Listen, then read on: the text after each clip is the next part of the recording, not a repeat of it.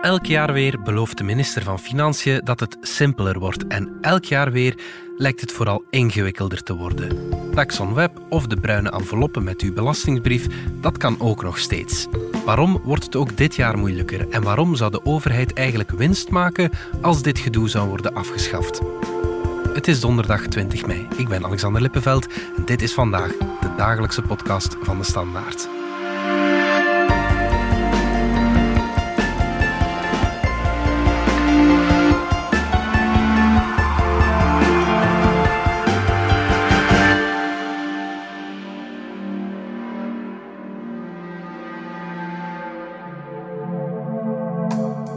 Johan Rasking van onze economieredactie. Het is weer de tijd van het jaar waarin jij opduikt in onze studio. Je bent de belastingspecialist van de Standaard.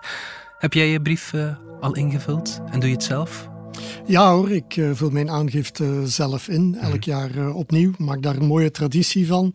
Uh, ik gebruik daar Texon Web voor. Dat is de beste manier en de snelste manier om het te doen. Ja. Nu, dit jaar moet ik er nog aan beginnen, maar dat zal wel lukken. Je hebt mijn persoonlijke tijd, situatie is niet zo complex dat ik er weken voor nodig heb. Nee, oké. Ik vond het wel grappig. In onze krant stond een interview met professor fiscaal recht Michel Maus. En die zei dat hij zelf niet eens zijn brief invult. Ja, dat komt wel vaker voor. Hè. In dit geval uh, heeft het ermee te maken dat uh, de boekhouder die ook voor zijn vennootschap uh, werkt, de aangifte zal doen. Ja. Nu, als er een vennootschap bij komt kijken, wordt het altijd wat complexer. Dus ja. daar mogen we de professor niet op aanspreken. Oké, okay, oké. Okay.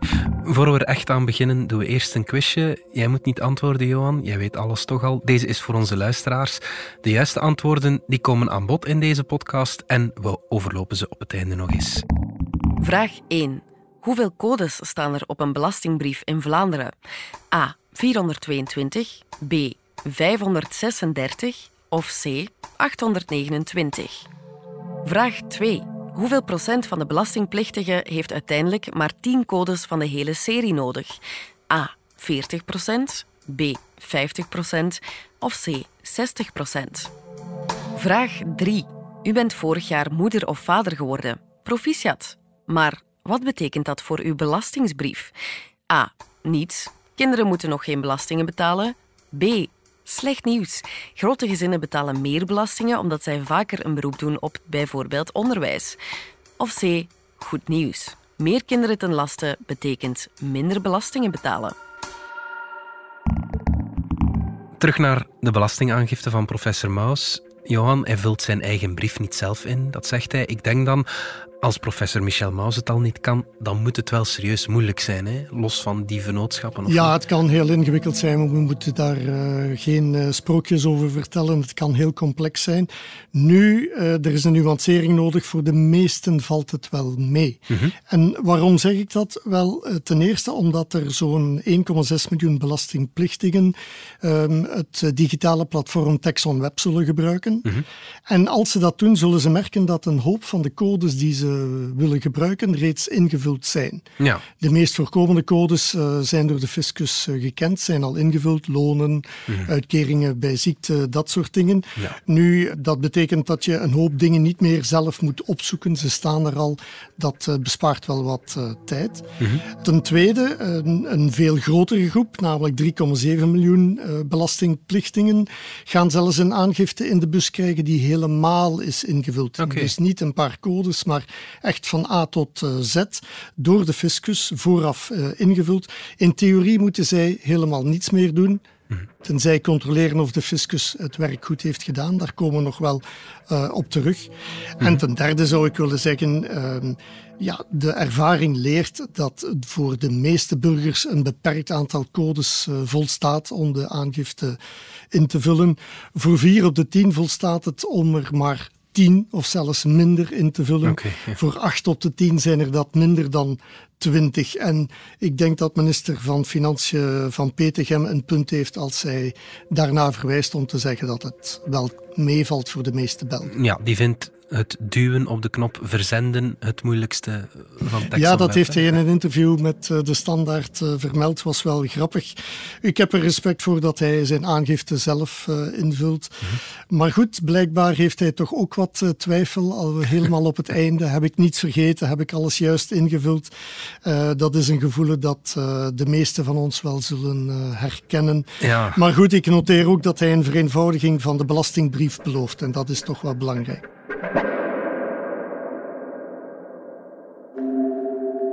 Jij gaat al een tijdje mee in het vak, Johan. Je kent er ja, heel veel van. Geloof je dat echt dat er een vereenvoudiging aankomt? Ja, nu zou ik een hele diepe zucht uh, moeten laten horen. Kijk, alle politieke partijen, alle regeringen van de voorbije jaren hebben plannen gemaakt voor eenvoudiger belastingen, rechtvaardiger uh, belastingen. Ja. En ook deze regering, de regering De Croo, heeft beloofd om daar werk van te maken. Maar goed, uh, we hebben de voorbije jaren gezien dat die goede voornemens ook niet altijd waarheid worden. Okay. Integendeel, wat zien we dit jaar? Er zijn weer codes bijgekomen, 18 om precies te zijn, in de Vlaamse aangifte. In Brussel zijn er dat zelfs uh, eh, 20. En dus in Vlaanderen zitten we nu toch weer in totaal aan 829 codes. Dat is niet mis.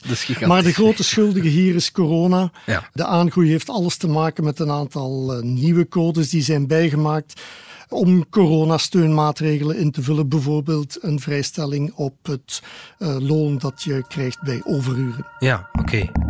Dat blijkt voor sommige mensen nog slecht nieuws te worden, hè? Die, uh, die coronamaatregelen. Ja, er is één uh, maatregel die pas in de voorbije maanden echt duidelijk is geworden. Namelijk dat wie vorig jaar in de volle coronapandemie uh, tijdelijk werkloos is gevallen, die, ja, voor die staat er nu een koude douche te wachten. Wat is er gebeurd? De regering toen, de regering Wilmes was dat nog, heeft toen de bedrijfsvoorheffing op de werkloosheidsuitkeringen verlaagd. Ja. En de bedoeling was om de tijdelijk werklozen op dat moment iets meer netto in de hand uh, te geven. Mhm. Dat was prima, maar die verlaging die wordt nu gecorrigeerd bij de jaarlijkse belastingaangifte. Ja. Het was dus een tijdelijk voordeel. Dat voordeel wordt nu teruggenomen door de fiscus. Wat betekent dat ja, tienduizenden uh, betrokkenen van toen, tienduizenden tijdelijke werklozen, dit jaar ofwel iets meer zullen moeten bijbetalen dan normaal, ja. ofwel iets minder zullen terugkrijgen dan normaal. Dat is natuurlijk nooit uh, leuk. Nee, en zeker niet omdat veel mensen misschien nog, nog steeds tijdelijk werkloos zijn door die coronacrisis. Inderdaad, het is, uh, helaas de coronamaatregelen van toen gelden nog. Ja, en dat is omdat de coronacrisis van nu ook nog altijd uh, bezig is. Ja, Hoe komt het toch dat onze belastingbrief zo moeilijk is, Johan? Je zei het al, 829 codes. Dat is heel ingewikkeld, hè? Ja, daar is uh, eigenlijk maar één grote verklaring voor, namelijk dat in de voorbije decennia, en je mag echt decennia in meervoud uh, zeggen, zowat elke regering uitzonderingen heeft ingevoerd op het hele hoge belastingtarief dat we nu eenmaal kennen ja. uh, in België. Hele hoge tarieven, maar dus ook een hele hoop uitzonderingen. Ja. Belastingvoordelen, belastingverminderingen. Nu, dat eh, heeft tot een heel complex systeem eh, geleid. Tientallen soorten uh, verminderingen, de aftrekposten, zoals die wel uh, genoemd worden. Telkens met eigen regeltjes, eigen uh, voorwaarden. belastingspecialisten zoals professor Maus noemen dat de koterijen van de fiscus. Ja. de belastingkoterijen, een beetje ja, zoals we in Vlaanderen ook uh, weten dat we onze huizen uh, aanbouwen met allerlei koterijen uh, achteraf. Lelijk en onoverzichtelijk.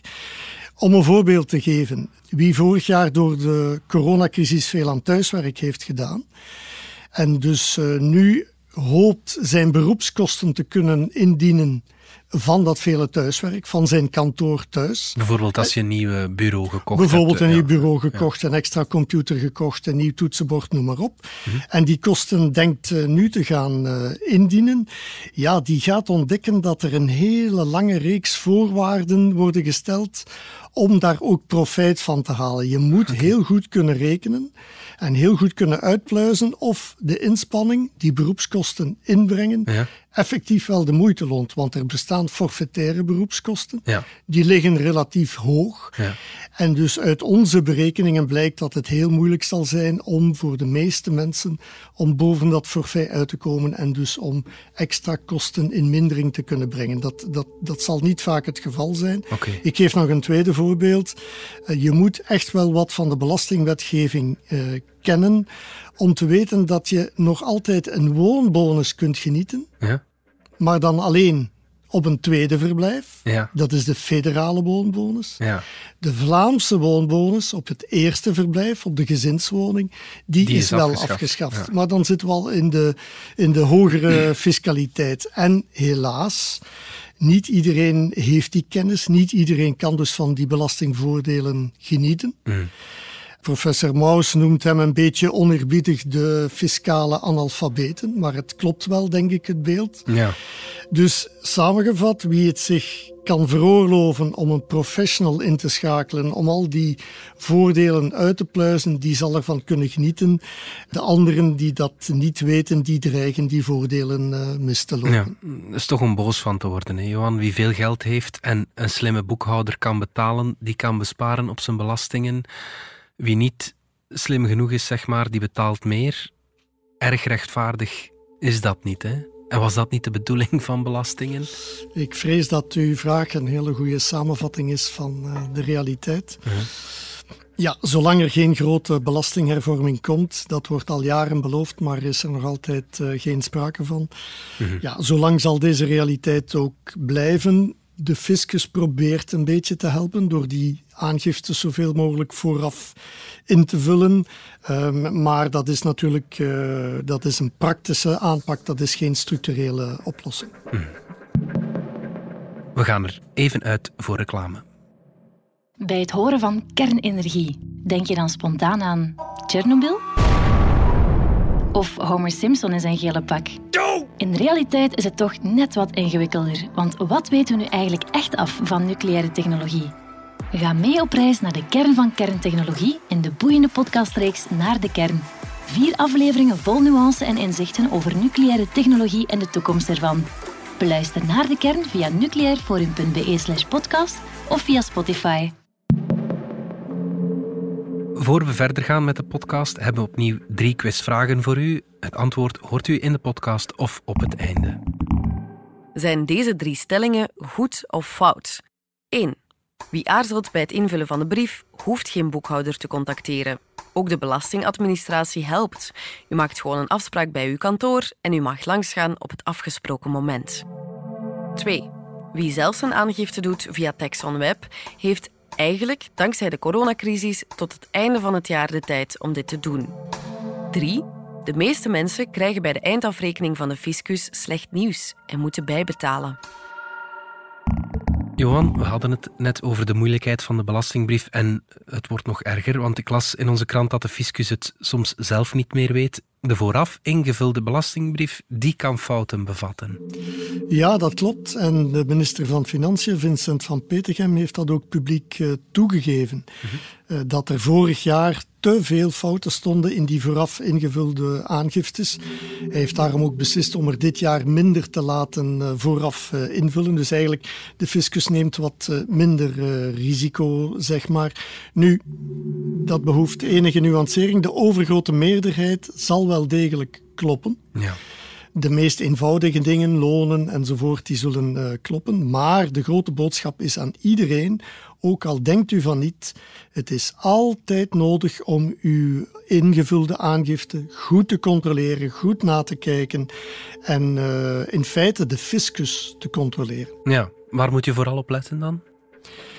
Ja, soms zijn het echt absoluut eh, basics. Hè. Mensen denken soms aan hele complexe dingen, maar een van de allerbelangrijkste is de gezinssamenstelling, het aantal kinderen te lasten. Als de fiscus niet weet dat er in de loop van vorig jaar, van 2020, een kind is geboren in uw gezin, en dus in die vooraf ingevulde aangifte geen rekening houdt met dat kind, dus geen extra kind ten laste invult, dan kan dat echt duizenden euro's in uw eindafrekening schelen. Omdat duizenden euro's die normaal in jouw voordeel zouden zijn. Die in jouw voordeel moeten zijn, omdat per kind ten laste gaat de zogenaamde belastingvrije som. Ja het eh, bedrag van uw inkomsten waarop je niet belast wordt, gaat omhoog. Ja. En dat gaat echt wel flink omhoog per kind, uh, per bijkomend kind. Dus als daar een fout in gemaakt wordt door de fiscus, dan, dan scheelt dat dus altijd goed nakijken of het aantal personen ten laste klopt. Nu, er zijn ook uh, complexere zaken die kunnen fout lopen bij zo'n uh, VVA-aangifte. Uh, wie een onroerend goed verhuurt, bijvoorbeeld, die moet dat ook zelf invullen. De fiscus is niet op de hoogte van de verhuurinkomsten -hmm. die u heeft. Dus dat is een aandachtspunt. Nog een aandachtspunt. Mensen die, werknemers die hun beroepskosten willen bewijzen, die kunnen ook niet zomaar de VVA aanvaarden, want daarop staan beroepskosten niet ingevuld. Dus je moet dat zelf invullen. Dat betekent die aangifte zelf aanvullen en uh, opnieuw verzenden naar de fiscus.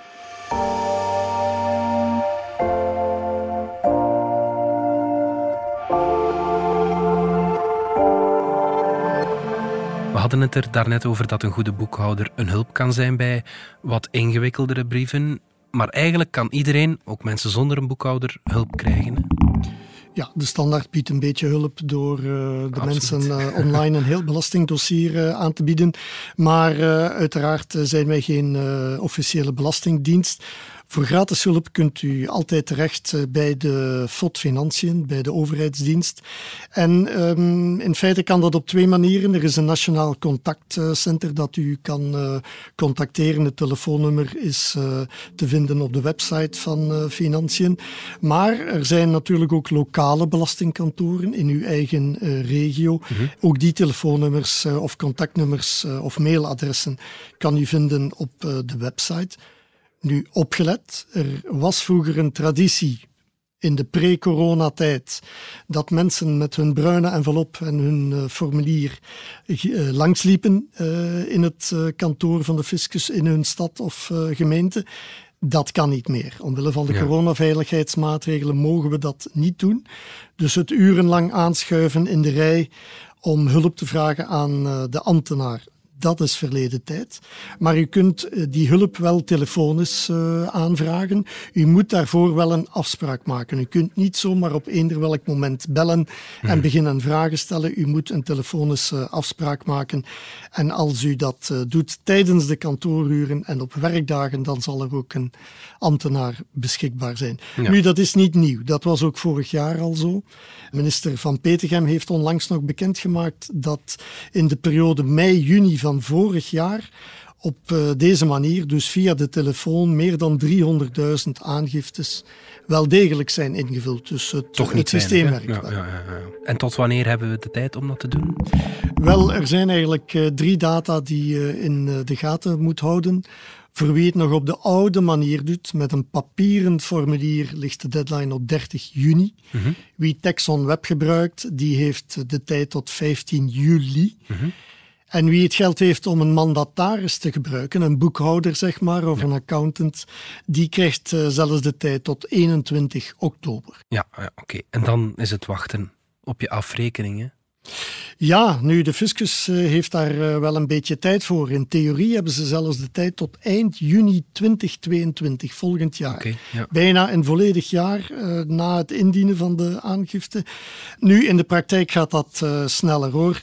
Um, als we even kijken naar de cijfers van vorig jaar, dan zien we dat eind maart van dit jaar Mhm. al 96% van alle aangiftes van vorig jaar helemaal waren verwerkt. Ja. En het zijn er toch uh, in totaal meer dan 7 miljoen. Dus uh, het gaat echt wel sneller dan je denkt. Ze werken wel door. Heeft de fiscus voor de meeste mensen eigenlijk goed nieuws of slecht nieuws? Er is een eerste groep mensen voor wie er eigenlijk geen nieuws is. Okay. Uh, bij ruim 1 miljoen burgers zal het eindsaldo gelijk zijn aan nul. Ja. Ze moeten niet bijbetalen, ze, moeten, ze krijgen ook geen geld terug. Nu, uh, er is een groep van toch bijna 2 miljoen uh, gezinnen die uh, slecht nieuws krijgen, die moeten bijbetalen. En dat is in totaal zelfs voor 3,6 miljard euro, dus dat is niet ja. niks. Nee. Maar eigenlijk is het goede nieuws dat een nog veel grotere groep, 3,6 miljoen uh, gezinnen, wel degelijk geld zullen terugkrijgen uh, na heel deze operatie, zelfs voor meer dan 5 miljard dus euro. Als ik dan even reken, als de overheid dat niet zou doen en die hele belastingbrief zou afschaffen, dan zou ze gewoon winst maken. Ja, dat klopt. uh, maar um, ik denk niet dat een radicale afschaffing de juiste aanpak is.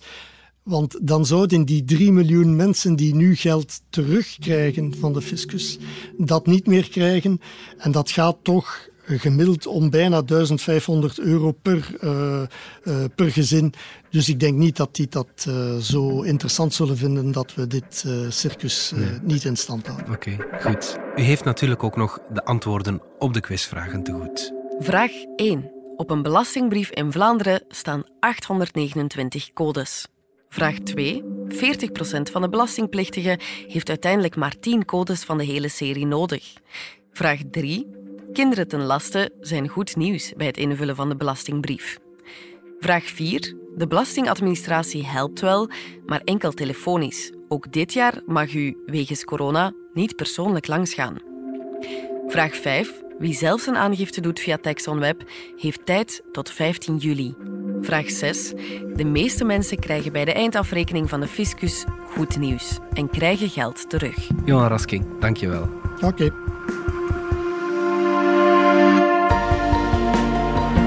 Dit was vandaag de dagelijkse podcast van De Standaard. Bedankt voor het luisteren. Reageren kan via podcast.standaard.be. Alle credits vind je op standaard.be-podcast. Morgen zijn we opnieuw.